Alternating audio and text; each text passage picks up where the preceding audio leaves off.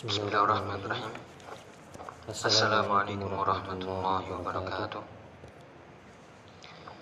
Innal hamdalillah nahmaduhu wa nasta'inuhu wa nastaghfiruh wa na'udzu billahi min shururi anfusina wa min sayyiati a'malina. May yahdihillahu fala mudilla lahu wa may yudlil fala hadiya lahu. Asyhadu an la ilaha illallah wahdahu la syarika lahu wa asyhadu anna Muhammadan abduhu wa rasuluh sallallahu alaihi wa ala alihi wa ashabihi wa man sara ala nahjihi ila yaumil قال الله تعالى في القرآن العظيم يا أيها الذين آمنوا اتقوا الله حق تقاته ولا تموتن إلا وأنتم مسلمون وبعد فإن أصدق الحديث كتاب الله وخير الهدى هدى نبينا محمد صلى الله عليه وعلى آله وسلم وشر الأمور محدثاتها فإن كل محدثة بدعة وكل بدعة ضلالة وكل ضلالة في النار Alhamdulillah para muslimah, para umat rahimani wa rahimakumullah Alhamdulillah pada kesempatan pagi ini di waktu duha kita bisa memulai perdana kajian online muslimah yang diselenggarakan oleh Masjid Wakaf Al-Ikhlas dan juga bersama dengan Batu Mengaji dalam pembahasan akidah wasitiyah dari karya Syekhul Islam Ibnu Taimiyah. Yang insya Allah semoga dimudahkan segalanya, dimudahkan segala urusannya dan semoga yang mengikuti dapat dapat mengambil manfaat dan faedahnya. Insya Allah kita belajar bersama sini setiap hari Selasa, Bismillah, live Google Meet dan juga ada rekamannya insya Allah. Dan juga dalam pembahasan ini insya Allah kita akan menyelesaikan sebisa mungkin dalam 20 kali pertemuan. dan, setelah pembahasan insya Allah nanti akan ada ringkasannya berupa terjemahan dan juga dipersilahkan bagi para umat jika ingin bertanya tentang masalah akidah terutama pembahasan akidah wasiyah monggo dipersilahkan via chat inbox ataupun dikirim di grup WA yang sudah dibentuk oleh admin. Dan kita mulai di sini, semoga berfaedah. Nah, kita mulai. Bismillahirrahmanirrahim. Setelah uh, kemarin kita sebutkan di mukadimah sudah kita kirim sedikit tentang perkenalan dengan kitab Akidah Wasitiyah. Di situ ada beberapa pertanyaan kemarin yang sudah kita tulis di mukadimah. Mulai dari apa itu kitab Akidah Wasitiyah, kemudian apa itu akidah, kemudian apa pentingnya belajar akidah. yang benar, demikian juga siapa penulis dari kitab Akidah Wasitiyah, dan juga apa sebab penamaan dari kitab Aqidah Wasitiyah sudah kita sebutkan kemarin. Uh, silahkan dibaca kembali. Uh, sudah berbentuk PDF, tinggal membacanya. Intinya para muslim dari Majlis Allah wa Ummahat Kitab Aqidah Wasitiyah ini adalah kitab di antara kitab-kitab akidah dari ulama Sunnah wal Jamaah dan tentunya berdasarkan Al-Quran dan Sunnah dengan ungkapan yang sederhana. dengan ungkapan yang jelas sederhana uh, kemudian matanya singkat insya Allah. kemudian masalah akidah ini yang penting. sering kali kita mendengar istilah akidah. akidah. Akidah belajar akidah. kemudian apa itu akidah? ya akidah di sini adalah keyakinan dari seorang hamba yang dibenarkan dan diikat kuat-kuat yang menghujam di hatinya yaitu berupa agama ini berupa iman kepada Allah, malaikatnya, kitab-kitabnya, para rasulnya, hari akhir dan iman kepada takdir. Ini disebut dengan akidah.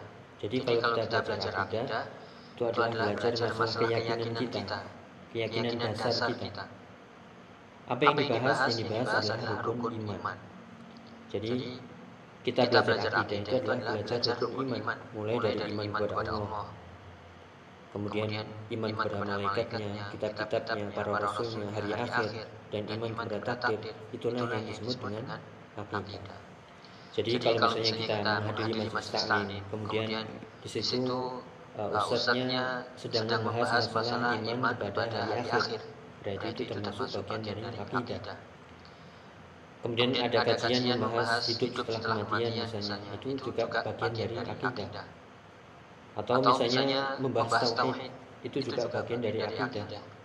atau membahas masalah takdir. itu juga bagian dari akidah.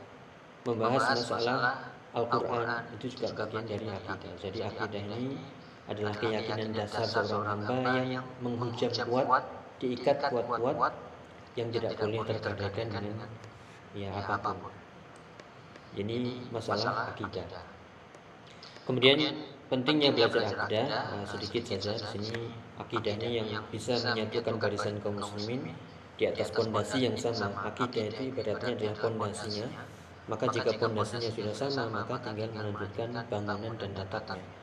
Maka satu satunya jalan untuk me menyatukan barisan kaum muslimin adalah dengan mempelajari akidah yang benar. Kemudian dengan akidah ini seseorang akan memegang teguh prinsip-prinsip Al-Quran dan As-Sunnah, mengagungkannya, sehingga seorang muslim atau muslimah ini akan terhindar dari pemahaman-pemahaman selain dari Al-Quran dan As-Sunnah. Akidah ini menguatkan seseorang harus pakai dalil. Segala sesuatu itu harus pakai dalil. Ya, karena dia belajar akidah, iman kepada Allah, malaikatnya, kitabnya, rasulnya, hari akhir, dan takdir, itu semuanya butuh dalil. Maka dengan belajar akidah, seseorang akan memegang teguh prinsip dalil. Segala ibadah yang kita lakukan, selain harus ikhlas, harus sesuai sunnah, dan semuanya itu butuh dalil. Kemudian di antara faedah belajar akidah adalah juga mengikat seseorang untuk selalu mengikuti manhajus salaf, mengikuti generasi para sahabat dan orang-orang yang mengikuti mereka dengan baik dari kalangan para ulama ya, mengikat kita untuk mengikuti manhaj salaf yaitu bagaimana metode kita belajar beragama ini harus mengikuti generasi awal. Kenapa kok harus mengikuti generasi awal? Karena generasi awal adalah generasi yang langsung belajar dari Nabi Shallallahu Alaihi Wasallam. Turun Al-Quran mereka melihat, wahyu turun mereka melihat, mendengar, dan bahkan mungkin kejadiannya ada pada diri mereka. Mereka termasuk orang-orang yang mendapatkan pujian langsung dari Allah dan Rasulnya dengan generasi terbaik di antara semua generasi manusia. Maka itulah generasi salaf. Salaf itu apa? Salaf para sahabat, para tabi'in dan atba'u tabi'in.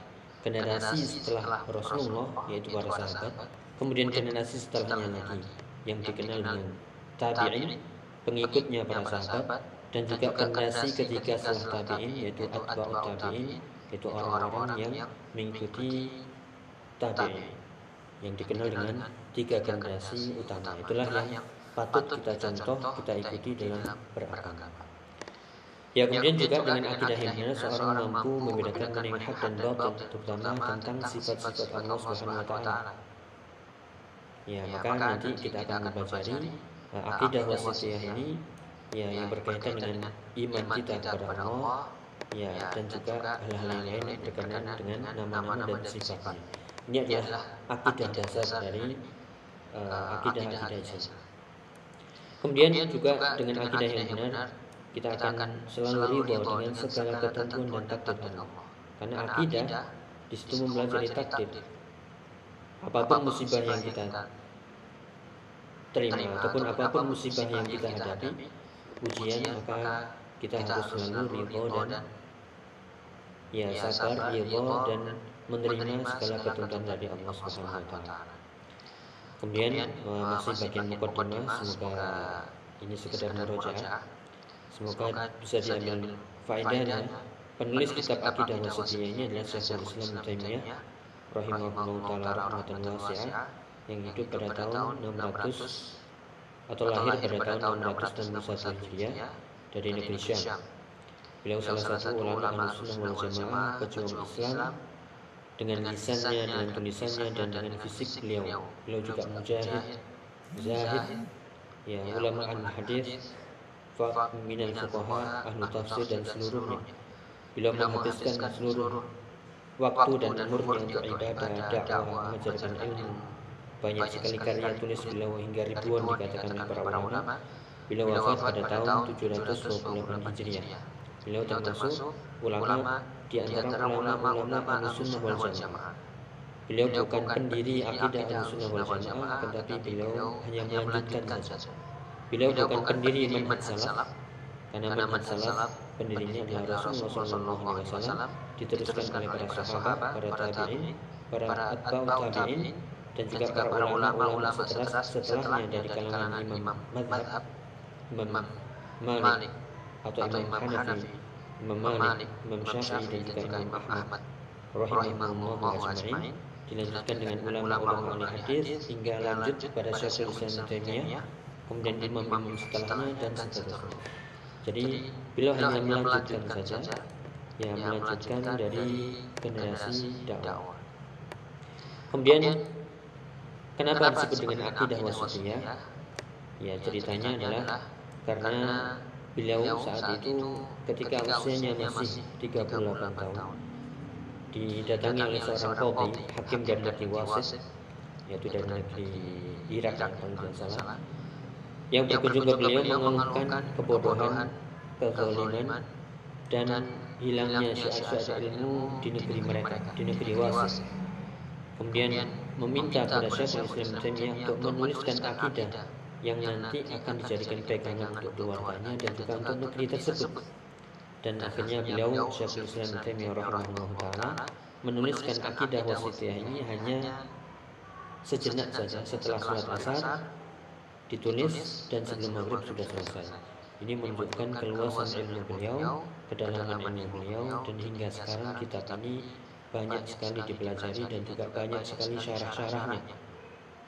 Ya, nanti akan kita sebutkan beberapa referensi dari syarah-syarah akidah wasatiyah. Itulah uh, para muslimin dirahmati Allah Taala para umat uh, secuil atau sedikit dari mukaddimah kitab akidah wasatiyah.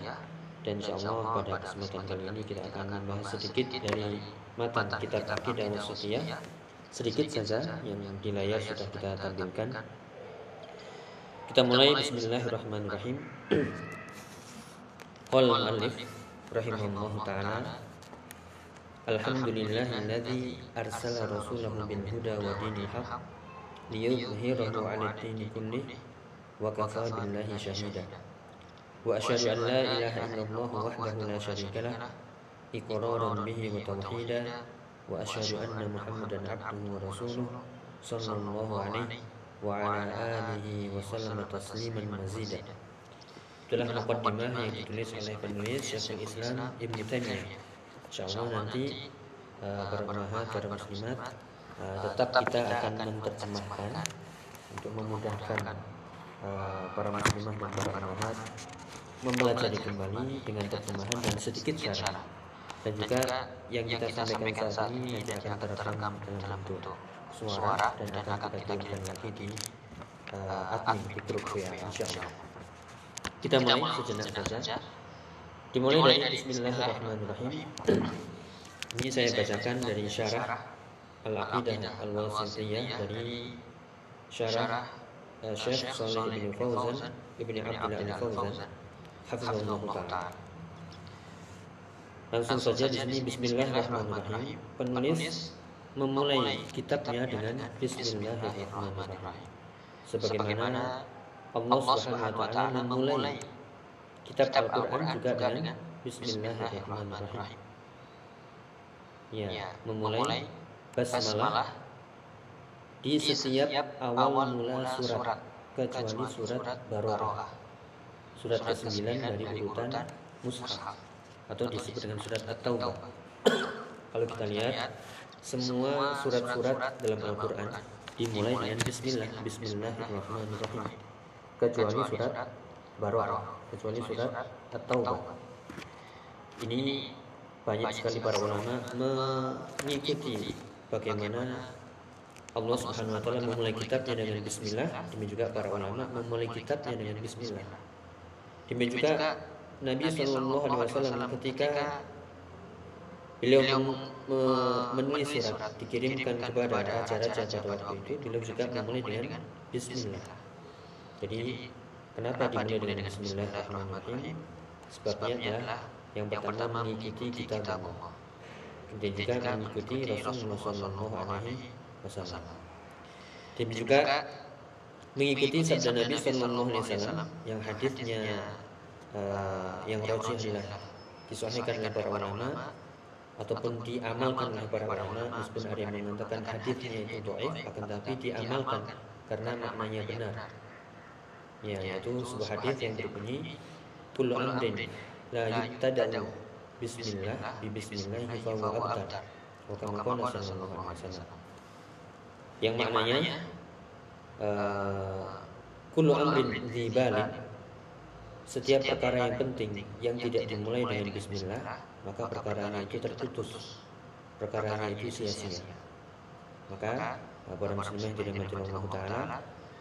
Berdasarkan tadi bagaimana Allah Subhanahu wa taala memulai Al-Qur'an dengan bismillah. demikian juga Nabi SAW memulai tulisannya dengan bismillah. demikian juga ada hadis yang menunjukkan bahwasanya setiap perkara yang tidak dimulai dengan bismillah maka perkaranya sia-sia hilang barokah. maka ini bisa kita amalkan pada kan ini banyak sekali dalam sunnah-sunnah Nabi Shallallahu Alaihi Wasallam setiap perkara dimulai dengan Bismillah. ya ketika kita mau makan Bismillah. ketika kita mau masuk kamar mandi Bismillah. setiap perkara jika itu baik maka kita mulai dengan Bismillah. kenapa? Karena Bismillah ini ya di situ ada Bismillah ada ba ya ba di sini yang maknanya adalah lil untuk meminta pertolongan. Ini insya Allah kita ngaji pelan-pelan. Yang penting sedikit, ya tapi itu berfaedah. Kalau kita bahas Bismillah saja, maka ini faedahnya sangat besar. Bisa kita langsung mengamalkannya. Setiap perkara jika itu baik, maka kita mulai dengan Bismillah. Tujuannya apa? Karena di situ kita sedang meminta pertolongan kepada Allah. Bismillah. Dengan menyebut nama Allah. Ya, dengan menyebut nama Allah karena baknya di situ Bismillah itu adalah dengan nama Allah. Dengan nama Allah apa? Dengan nama Allah aku meminta pertolongan. Minta pertolongan dalam apa? Dalam segala aktivitas dan perbuatan. Misalnya ketika kita mau bekerja, kita baca Bismillah, berarti kita sedang meminta kepada Allah pertolongan agar dimudahkan dalam bekerja. Ketika kita mau membaca Al-Quran misalnya, Ya kita mulai setelah ta'awud Bismillah Berarti kita meminta tolong. Minta pertolongan kepada Allah Dengan membaca nama Allah Agar dimudahkan dalam membaca Al-Quran Memahaminya dan juga mengamalkannya. Ya atau misalnya Ya seperti para muslimah, para umahat Yang mengerjakan banyak sekali urusan rumah tangga Maka mulai dengan Bismillah Artinya saya meminta pertolongan dengan nama Allah yang maha mulia, yang maha perkasa, yang maha segala-galanya agar dimudahkan segala urusan rumah tangga. Ya, masak, mencuci dan sebagainya. Maka ini kita mulai dengan Bismillah. Ya itulah sedikit dari faedah Bismillah. Kalau kita membahas masalah Bismillah ini sekali lagi, ya Bismillah menunjukkan kelemahan kita sebagai seorang hamba yang dhaif yang lemah berarti kita segala sesuatu harus minta tolong kepada Allah. Bismillah, Bismillah, Bismillah dan begitu seterusnya. Ya, jadi ketika mau membaca baca Bismillah, ketika keluar keluar rumah Bismillah, setiap perkara yang baik kita mulai dengan Bismillah. Sekali lagi maknanya adalah meminta pertolongan ya dengan nama Allah menjadi barokah dengan nama Allah agar dimudahkan segala urusannya. Itulah makna bismillah. Kemudian uh, setelah kita mengetahui bismillah ya, di situ ada lafaz Allah, lafzul jalal. Ya, ada lafaz Allah, lafzul jalal. Ini kita beri tanda ya. Uh, tadi sudah kita membahas bismillah. Ya, bismillah. Kemudian di situ ada nama Allah. Ya, lafzul jalal Allah. Apa itu makna makna Allah? Ya Allah di sini adalah alamun ala zatil muqaddasah yaitu sebuah nama untuk zat yang maha suci yaitu Allah Subhanahu wa taala. Maknanya Allah itu adalah dari kata dalam bahasa Arab alihaya lahu ilaha ya yang maknanya adalah zul uluhiyah wal ubudiyah ala khalqihi ajma'in dari kata alihaya lahu uluhatan ya. Jadi Allah itu dalam bahasa Arab. Allah itu dari kata alihaya lahu ilaha ya. Yang maknanya adalah yang maknanya adalah dzul uluhiyah. Ya. Maknanya adalah dzul uluhiyah. Dzul uluhiyah maknanya adalah yang memiliki hak untuk diibadahi. Jadi Allah haknya adalah diibadahi. Ya, Allah adalah dzul uluhi, dzul uluhiyah wal ubudiyah ala khalqihi ajma'in. Yang berhak untuk diibadahi satu-satunya. yang berhak diibadahi disembah oleh seluruh makhluk. ya di muka bumi. Ya. Jadi kalau kita sudah mengaku la ilaha illallah berarti konsekuensinya adalah tidak ada sesembahan yang hak yang patut disembah kecuali Allah Subhanahu wa taala semata. Dalam urusan uluhiyah ibadah, dalam urusan rububiyah yaitu perbuatan Allah dan dalam urusan asma wa sifat. Ini akidah yang sangat dasar yang harus kita pahami kalau kita mengerti makna nama Allah saja, ya kita akan tunduk patuh kepada Allah dengan ibadah. Kenapa? Kalau kita sebut nama Allah, Bismillah, Allahu Akbar, Subhanallah, berarti kita sedang memuji Zat yang Maha Suci, yang memiliki hak. Berarti kita wajib untuk beribadah kepadanya semata. Tidak boleh sedikit pun ibadah dipalingkan atau diberikan kepada selain selain Allah Subhanahu Wa Taala. Ya, ya jadi itu uh, Allah maknanya adalah alihaya yahu dalam bahasa Arab. Ya, kemudian ilah itu maknanya adalah maklum. Maklum itu artinya ma'bud yang diibadahi. Maka selain Allah tidak patut disebut ma'bud. Selain Allah tidak patut tidak layak disebut dengan maklum yang diibadahi.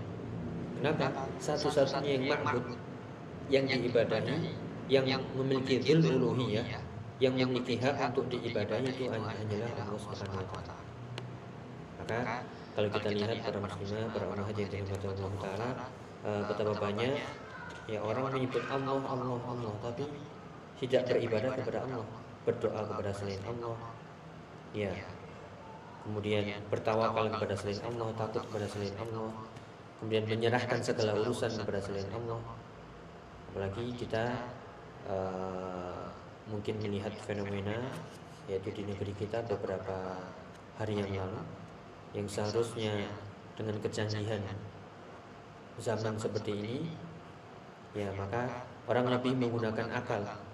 Ya orang lebih menggunakan akal artinya jika sesuatu itu sudah murni perbuatan Allah rububiyah Allah jadi rububiyah itu adalah perbuatan Allah. Karena kita harus yakin dalam masalah ubudiyah ini ya ada ubudiyah sifatnya dari hamba kepada Allah dari bawah ke atas yaitu kita dan juga ada yang sifatnya ibadah dari atas ke bawah. kita yakini bahwasanya seluruh perbuatan Allah yang itu untuk makhluknya seperti mengatur, menciptakan, memberi rezeki, menghidupkan, mematikan, menurunkan hujan, yang mengatur alam semesta, maka itu semuanya adalah perbuatan Allah yang tidak boleh kita yakini ada makhluk selain atau ada selain Allah yang mengurusinya. Tidak ada sejengkal bumi. Ya atau tanah kecuali di situ Allah yang menguasainya. Kita tidak boleh meyakini bahwasanya ada di laut sana yang menguasai selain Allah. Ada di hutan sana ya yang menguasai selain Allah. Ada di tanah sana yang masih kosong misalnya. uh, ada yang memberi keselamatan. ya kecuali Allah Subhanahu wa taala atau selain Allah Subhanahu wa taala. Ada yang menurunkan hujan menghentikannya selain Allah Subhanahu wa taala. Maka ini adalah dasar-dasar akidah yang harus kita pahami yang ya sangat-sangat dasar yang tidak mungkin ya seorang hamba dengan fitrahnya itu meyakini ada ya makhluk yang menandingi perbuatan-perbuatan Tidak mungkin. Ya, ini dari kata Allah yang maknanya sekali lagi Dzul Uluhiyah. ya kemudian Ar-Rahman Ar-Rahim ya Ar-Rahman Ar-Rahim. Ya ini adalah juga termasuk eh, nama-nama dan sifat Allah Subhanahu wa taala yang belum kita pelajari.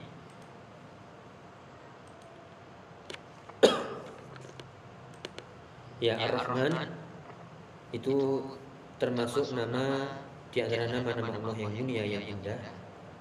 Ar-Rahman Ar-Rahim juga ini mengandung sifat Ar-Rahman. Ya, Dzur-Rahmah yang memiliki kasih sayang, yang memiliki uh, rahmat. Akan tapi di sini dibedakan. Apa perbedaan Ar-Rahman dengan Ar-Rahim?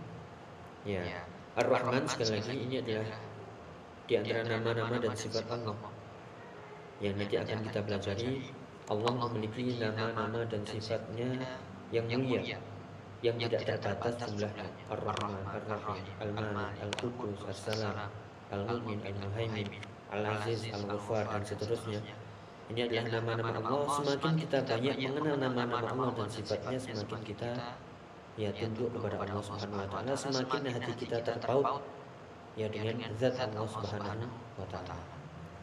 Ya. Jadi Ar-Rahman dan Ar-Rahim sama dari kata rahima yarhamu. Ya, akan tapi maknanya berbeda. Kalau Ar-Rahman, Ar-Rahman di sini maknanya adalah dzur rahmatil 'ammah li jami'il makhluqat. Ar-Rahman, ya Ar-Rahman. Uh, yang sebelah sini Ar-Rahman. Ar-Rahman. Ini maknanya adalah yang memiliki rahmat secara umum untuk seluruh makhluknya. baik itu manusia ya ataupun hewan tumbuhan baik yang mukmin yang kafir yang munafik yang fasik semuanya dapat rahmat Allah Subhanahu wa taala. Itu makna Ar-Rahman maknanya yang sangat luas. dan rahmat Allah ini tidak terbatas. yaitu dzurrahmatil wasi'ah memiliki kasih sayang yang sangat-sangat luas untuk seluruh makhluknya tidak Allah bedakan sedikit pun. Buktinya kita lihat orang yang sholat dan tidak sholat. Orang yang sholat dia dapat rezeki. Seandainya rahmat Allah itu sempit, maka orang yang tidak sholat maka dia tidak dia akan kesulitan hidup. Orang yang kafir misalnya tidak beriman, dia akan kesulitan hidup. Orang yang tidak mengenal Allah dia akan kesulitan hidup. Tapi kita lihat bahwasanya rahmat Allah sangat luas. mau beriman mau tidak dapat kasih sayang Allah. Ya bisa hidup bisa bernafas bisa mencari rezeki. ya bahkan Allah melapangkan rezekinya ya sebagai bentuk rahmat Allah Subhanahu wa taala. Makanya dalam sebuah hadis disebutkan yang menunjukkan uh, rahmat Allah sangat luas dan menunjukkan dunia itu tidak ada harganya sama sekali di sisi Allah Subhanahu wa taala. Dalam hadis yang saya disebutkan, "Lau kanat dunya 'inda Allah ta'dilu janaha ba'udah ma saqa kafirun ma saqa kafirun syurbatan atau kama qala sallallahu alaihi wasallam kalau seandainya dunia di sisi Allah itu senilai sebanding. besarnya itu sesayap nyamuk kalau seandainya dunia itu di sisi Allah sebesar sayap nyamuk pasti Allah tidak akan memberi minum orang kafir walaupun seteguk kalau seandainya dunia di sisi Allah itu dunia yang kita lihat seluruhnya. ya mau di Indonesia atau di tempat-tempat yang lain negara-negara yang lain seluruhnya bumi ini dan segala macam isi dan perhiasannya jika di sisi Allah itu seperti sesayapnya seperti sesayapnya pasti Allah akan membatasi. yaitu orang kafir nggak akan bisa minum tapi kita lihat Ya, ya berarti dunia itu amat sangat amat sangat tidak tidak ada harganya di sisi Allah Subhanahu wa taala. Yang menunjukkan sekali lagi keluasan rahmat Allah Subhanahu wa taala. Dan kita sebagai hamba yang beriman, ya kita harus memahami bahwasanya uh, dunia bukan tujuan akan tapi hanyalah wasilah. Sedangkan akhirat itu adalah tujuan kita yang semuanya kelak ya kita akan kembali ke kampung akhirat ya bukan di kampung dunia. Ya, jadi Ar-Rahman itu adalah memiliki rahmat yang luas untuk seluruh makhluknya, hewan, tumbuhan, ya manusia yang beriman ataupun tidak, semuanya yang taat atau yang ahli maksiat semuanya dapat rahmat Allah. Itu pun ya sangat-sangat kecil sekali bandingannya di sisi Allah Subhanahu wa taala. dalam ungkapan yang lain dalam sebuah hadis yang dunia yang kita lihat ini yaitu seperti seseorang yang mencelupkan jarinya ke lautan kemudian diangkat. Dari jarinya itu yang menetes satu tetesan itulah dunia sedangkan lautan luas yang tak bertepi itulah ya akhirat. Ya pertanyaannya apakah kita mau mengejar yang sedikit itu dan mengorbankan akhirat. Apakah kita hanya fokus mencari dunia yang tidak ada harganya di sisi Allah kemudian mengorbankan akhirat? Ya tentu tentu ya kemudian ar-rahim ar-rahim di sini maknanya adalah dzur rahmatul khassah bil mu'minin. Ya ar-rahim itu maknanya lebih khusus. kalau ar-rahman maknanya umum sedangkan ar-rahim maknanya adalah khusus untuk orang-orang yang beriman saja. berubah apa? ya berubah ketenangan hidup tumak kebahagiaan hidup. ke ya sifat kona'ah menerima takdir Allah. Meskipun dunianya sedikit. ini yang tidak akan didapati oleh orang-orang yang selain yang selain yang beriman. orang yang beriman akan mendapatkan kasih sayang Allah berupa khusus yang yang khusus berupa hidayah kenikmatan kelezatan ibadah ketenangan hati tumak nina kekhusyuan dalam ibadah. ya kemudian dia mengerti jalan hidupnya. yang tidak terombang ambing dalam kesesatan, dan seterusnya.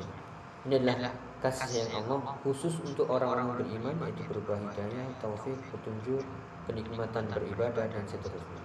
Bukan yang sifatnya dunia. Ya tentu ya kita lebih fokus memikirkan atau me, ingin meraih uh, yaitu nikmat Allah atau rahmat Allah yang khusus untuk orang-orang beriman dan puncaknya adalah Allah Subhanahu wa taala menyelamatkan orang-orang beriman ini dari fitnah dunia kemudian dikembalikan ke akhirat ya dengan keadaan selamat yaitu selamat dari azab neraka dan juga mendapatkan puncaknya yaitu nikmat surga Allah yang penuh dengan kenikmatan. Itulah rahmat Allah yang khusus untuk orang-orang yang beriman. Ya kemudian setelah kita mengetahui Bismillah itulah makna Bismillah. uh, kalau kita melihat sedikit saja dari Bismillah ini ya maknanya sangat besar. nah, bisa kita amalkan. Bismillahirrahmanirrahim. Ya sekali lagi Bismillah meminta pertolongan kepada Allah dalam setiap aktivitas dan perbuatan kita baca Bismillah. Ar-Rahman kasih sayang Allah yang sangat mulia yang sangat umum untuk seluruh makhluknya sedangkan Ar-Rahim khusus untuk orang-orang yang beriman saja ya kemudian dimulai dengan uh, pujian Allah Subhanahu wa taala. Alhamdulillahilladzi arsala rasulahu bil huda wa dinil haq yang artinya kalau kita terjemahkan Alhamdulillah segala puji bagi Allah. Alladzi arsala rasulahu yang telah mengutus rasulnya yaitu Muhammad sallallahu alaihi wasallam bil huda dengan petunjuk wa dinil haq dengan petunjuk dan dengan agama yang benar ya ini maknanya banyak dikatakan oleh para ulama Allah Subhanahu wa taala mengutus ya mengutus Rasulnya Muhammad sallallahu alaihi wasallam dengan huda. Huda di sini adalah petunjuk. Maknanya adalah dengan ilmu nafi' dengan ilmu yang bermanfaat. Ya, wadinil haq dengan agama yang benar.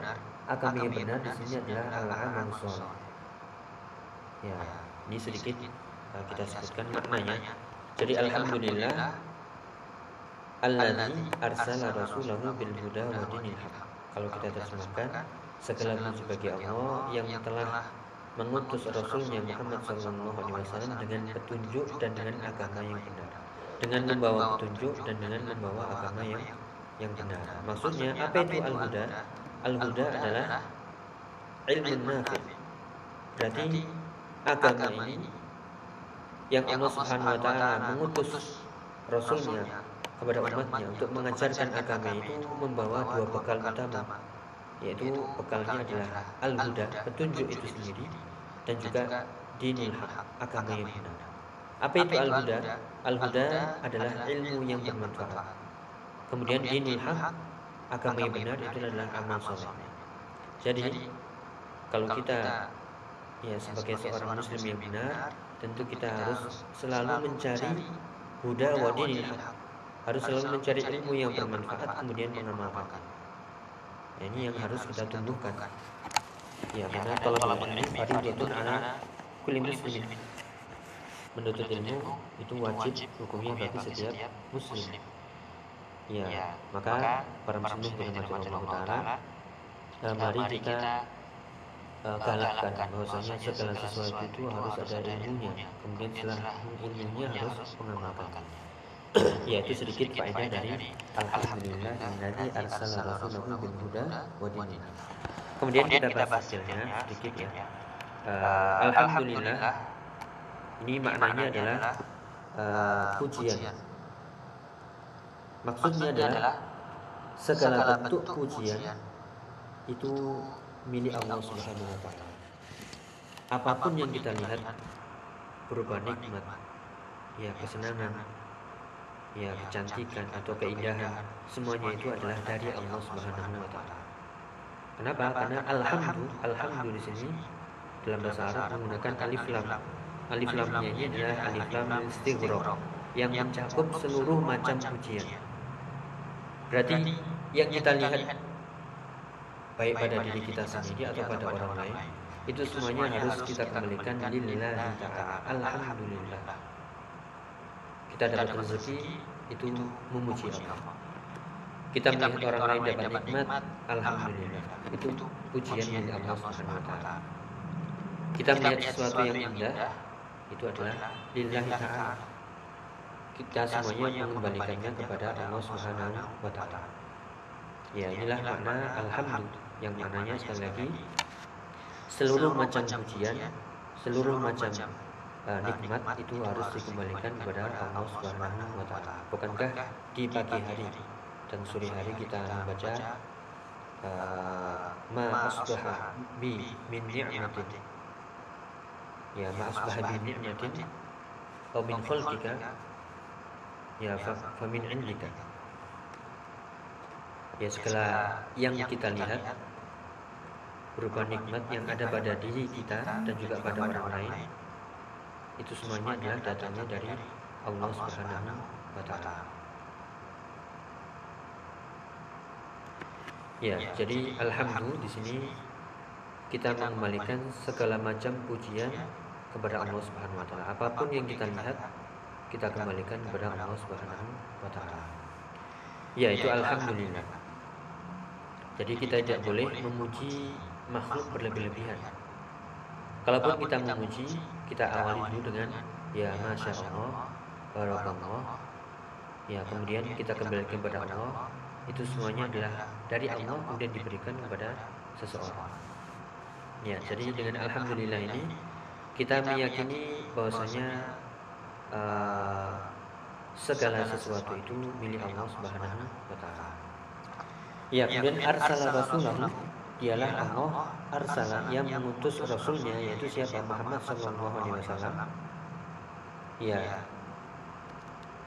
Kepada umatnya bil huda wa dinil dengan membawa petunjuk dan juga dengan ya agama yang yang hak. Ya, yang dimaksud Rasul di sini adalah Muhammad Sallallahu Alaihi Wasallam yang Allah utus ya untuk seluruh jin dan manusia. Dengan membawa petunjuk, sekali lagi petunjuk maknanya adalah ilmu yang bermanfaat yang dibawa oleh Nabi Shallallahu Alaihi Wasallam. Ya, dan juga dengan agama yang hak. Apa itu agama yang hak? Agama yang hak adalah amal soleh kita. Ya, sedikit penjelasan tentang al-huda. Ya, petunjuk di sini ada dua ya hidayatul irsyad wa hidayatul taufik al-huda ini ada dua maknanya. Hidayatul irsyad wa hidayatul taufik apa itu hidayatul irsyad? Hidayatul irsyad itu adalah hidayah petunjuk yang dari manusia. Ketika kita belajar kepada seorang guru, seorang ustaz ya maka guru atau ustaz ini atau pengajar memberikan irsyad petunjuk-petunjuk ya penjelasan-penjelasan bisa diterima? ya bisa tidak bisa dipahami bisa tidak. kemudian ketika petunjuk-petunjuk itu masuk di hati dan diterima itu adalah berkat hidayah taufik dari Allah Subhanahu wa taala. Jadi manusia hanyalah ber, berusaha menyampaikan yang benar. Adapun diterima atau tidak itu tergantung hidayah taufik dari Allah Subhanahu wa taala. Maka ya tugas manusia kita hanya menyampaikan saja. Adapun hidayah itu adalah milik, milik Allah Subhanahu wa taala. Kita hanya bisa membedakan hidayah dan irsyad, petunjuk-petunjuk. Ini yang benar, ini yang salah, ini yang halal, ini yang haram, ini yang sunnah, ini yang bid'ah, ini yang tauhid, ini yang syirik. Silahkan. Kemudian perkara diterima atau tidak itu adalah hidayah taufik dari Allah Subhanahu wa taala. Ya. Dari mana dalilnya ini? Ya, dalilnya adalah uh, firman Allah Subhanahu wa taala ya, seperti disebutkan wa innaka latahdi ila siratin mustaqim. Ya, wa innaka latahdi ila siratin mustaqim. Engkau wahai Muhammad benar-benar bisa memberikan petunjuk kepada jalan yang lurus. Hidayah apa ini? Hidayah irsyad, petunjuk, penjelasan. Ya, adapun diterima atau tidak itu taufik dari Allah Subhanahu wa taala yang disebutkan dalam ayat yang lain innaka la tahdi man ahbabta walakinna Allah yahdi man yasha. Jadi akan kita sebutkan dalam terjemahan insyaallah. Yang maknanya innaka la tahdi sungguh engkau hai Muhammad la tahdi tidak akan bisa memberikan petunjuk kepada orang yang kau cintai. Engkau hanya bisa memberikan irsyad-irsyad saja, petunjuk-petunjuk saja. Penjelasan-penjelasan saja. Kenapa? Walakinna Allah yahdi man yasha. Kenapa? Karena Allah Subhanahu wa taala memberi petunjuk kepada siapa saja yang Allah. Kita tidak bisa memaksa orang menerima hidayah, menerima dakwah, menerima sunnah tidak bisa. Kenapa? Kita hanya bisa menyampaikan, diterima atau tidak, itu adalah taufik dari Allah Subhanahu wa taala. Yaitu berkaitan dengan al-huda. Ya, kemudian dinul haq, dinul haq di sini kita sampaikan tadi adalah al-amal soleh. Ya, Al-amal soleh yaitu agama yang tegak dengan ilmu dan amal.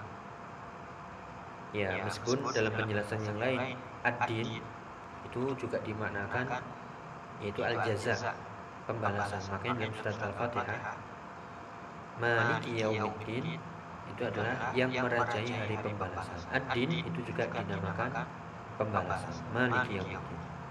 Atau ad-din disebut dengan ketundukan dan uh, kepatuhan. Ya, makanya seorang yang tunduk dan patuh itu dibuktikan dengan amal perbuatan. Sehingga dinul hak maknanya adalah kepatuhan yang benar, ketundukan yang benar yaitu ya amal soleh kepada Allah Subhanahu wa taala.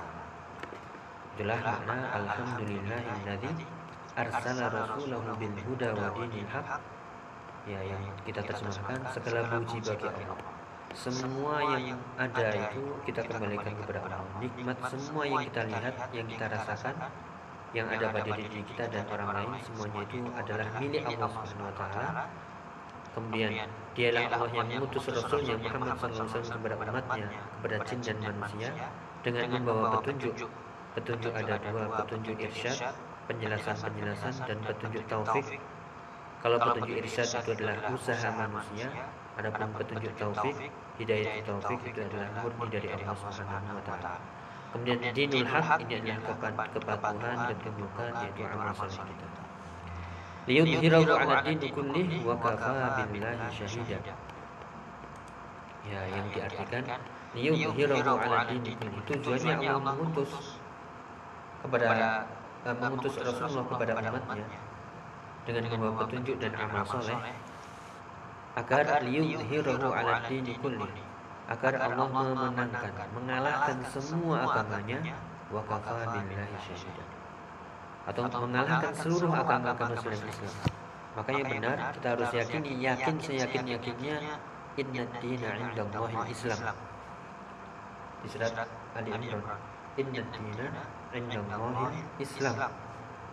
Sungguh agama yang benar di sisi Allah adalah Islam. Ini keyakinan kita. Jangan sampai kita ragu ada agama selain Islam yang benar. Ya maka ini termasuk uh, akidah akidah keyakinan keyakinan yang dasar jangan sampai kita ragu sedikit pun. bahwasanya agama yang menang di sisi Allah. Yang diridhoi di sisi Allah itu hanyalah Islam saja. ya, liyudhhirahu 'ala dini kulli agar Allah memenangkan agama Islam ini di atas seluruh agama-agama yang ada ya memenangkan di seluruh agama-agama yang yang ada itulah agama yang yang hak inna dina indallahi Islam. Wa kafa billahi syahida. Dan cukuplah Allah sebagai saksi. Cukuplah Allah sebagai pelindung.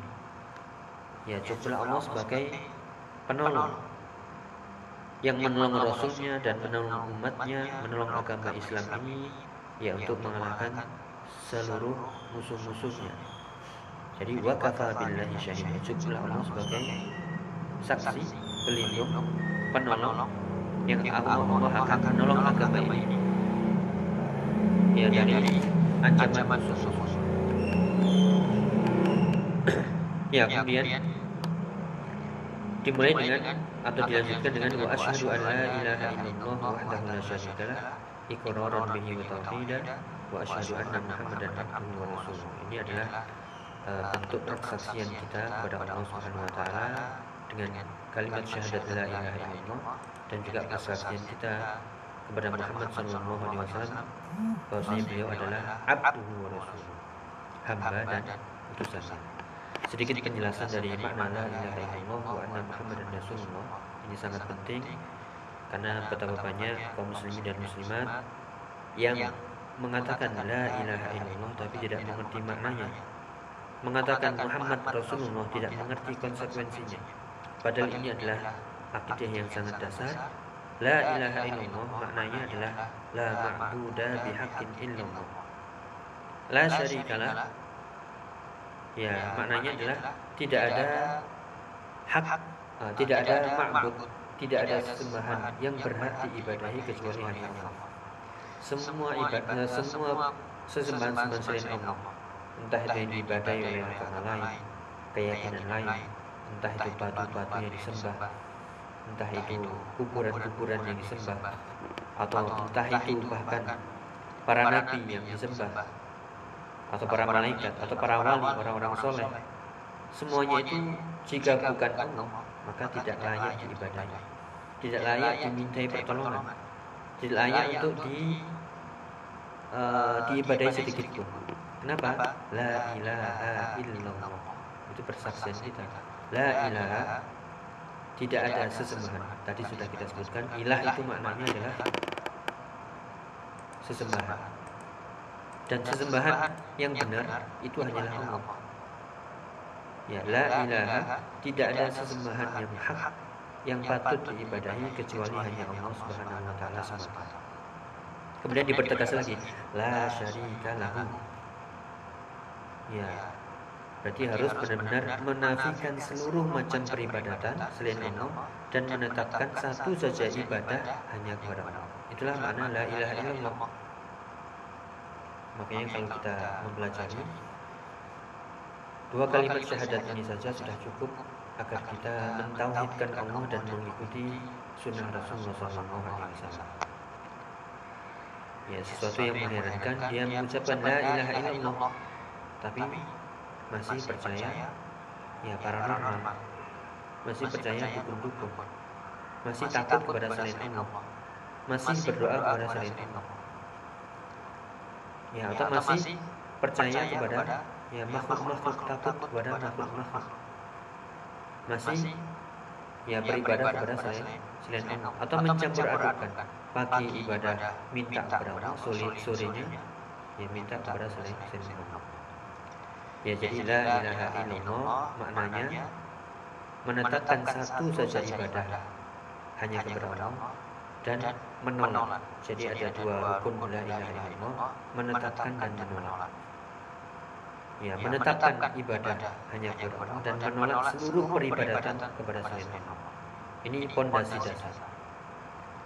Ya, ini yang harus kita yakini bahwasanya agama yang benar itu adalah agama Islam. Kemudian seluruh sesembahan kita tolak. Ya, dan kita tetapkan satu saja ibadah hanya kepada Allah Subhanahu wa taala. Ya para muslimah baru yang dirahmati Allah taala tentu ada saja ya musuh-musuh dakwah atau orang-orang yang munafik yang mengatasnamakan uh, wasitiyah atau mengatasnamakan pertengahan yaitu modernisasi dalam beragama. agama. Itu harus tengah-tengah nggak usah ekstrim-ekstrim. ya anggap saja lah semua agama itu benar. toh semuanya ingin surga. toh semuanya menyembah Tuhan. Nah ini harus kita tangkal dari dari awal. kita muslim harus yakin yang benar itu adalah adalah agama Islam ini sudah keyakinan. kita hanya bisa menyampaikan perkara diterima. alhamdulillah. Jika tidak itu semuanya adalah di tangan Allah. Jangan ragu sedikit pun ada agama yang benar selain Islam. tidak tidak boleh. atau ada sembahan yang berhak diibadahi selain Allah. ini tidak boleh. karena ini Al-Quran yang berbicara. seorang muslim harus tunduk kepada Al-Quran kepada agamanya. bahwasanya la ilaha illallah makanya la ilaha illallah ini harus diulang-ulang maknanya definisinya konsekuensinya sehingga kita tidak ragu sedikit pun dalam memeluk agama Islam yang mulia ini dan beribadah kepada kepada Allah. Adapun agama-agama yang lain itu semuanya adalah batil. Semuanya adalah tidak layak untuk dijadikan agama. Ya akan tapi la ikraha fiddin. Ya tidak boleh memaksakan agama pada seseorang. Silahkan kita hanya bisa menyampaikan mau ikut silakan, mau tidak silakan. Lakum dinukum waliyadin. Tapi kita harus yakin bahwasanya la ilaha illallah. Ibadahnya kepada Allah, agama yang benar hanyalah Allah. Jangan sampai terkena paham-paham pluralisme yang mengatasnamakan semua agama benar, semuanya masuk surga, semuanya menyembah Tuhan. Jangan disalah-salahkan, tidak. Ya.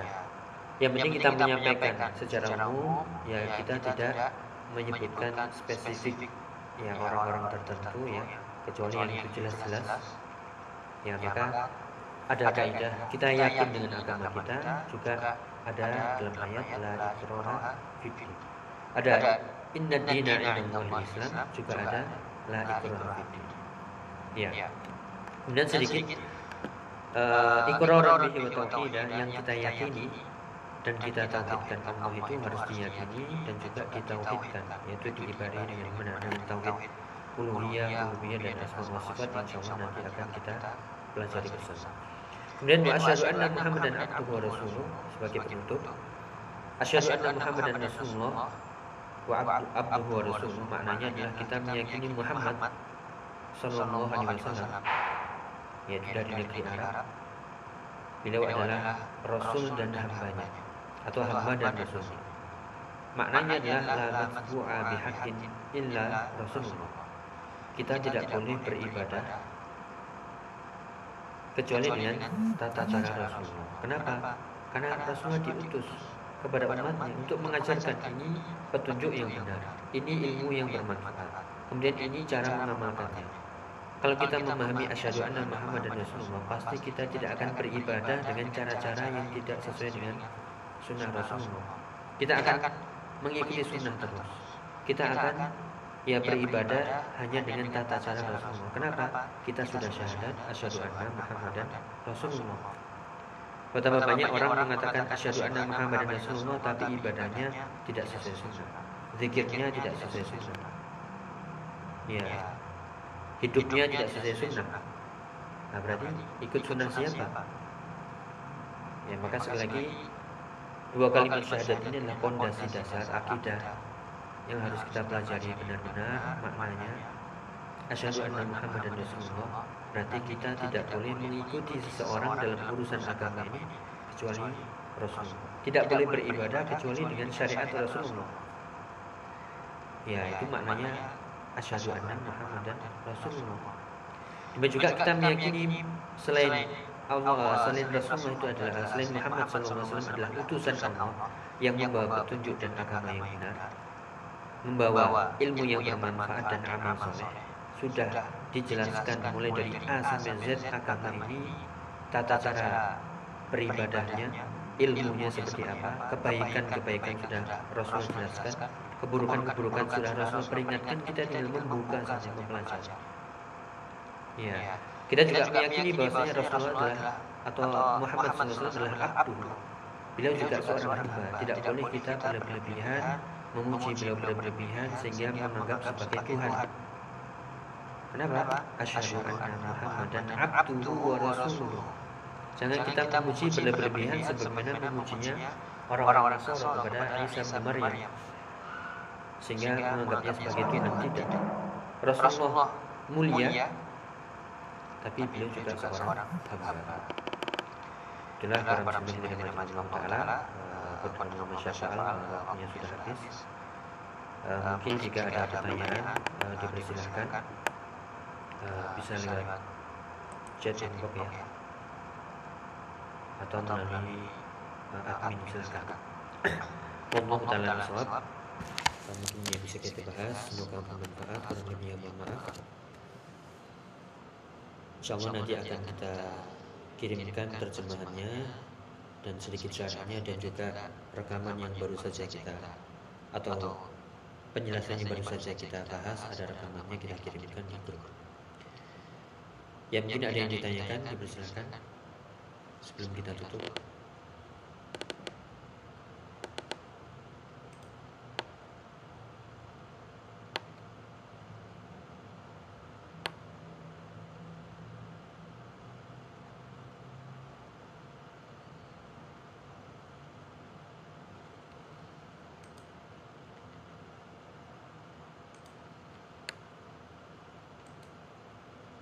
Ya, jika tidak uh, jika tidak ada pertanyaan atau mungkin pertanyaan yang muncul silakan dikirim ke grup. Uh, insya Allah nanti kita jawab.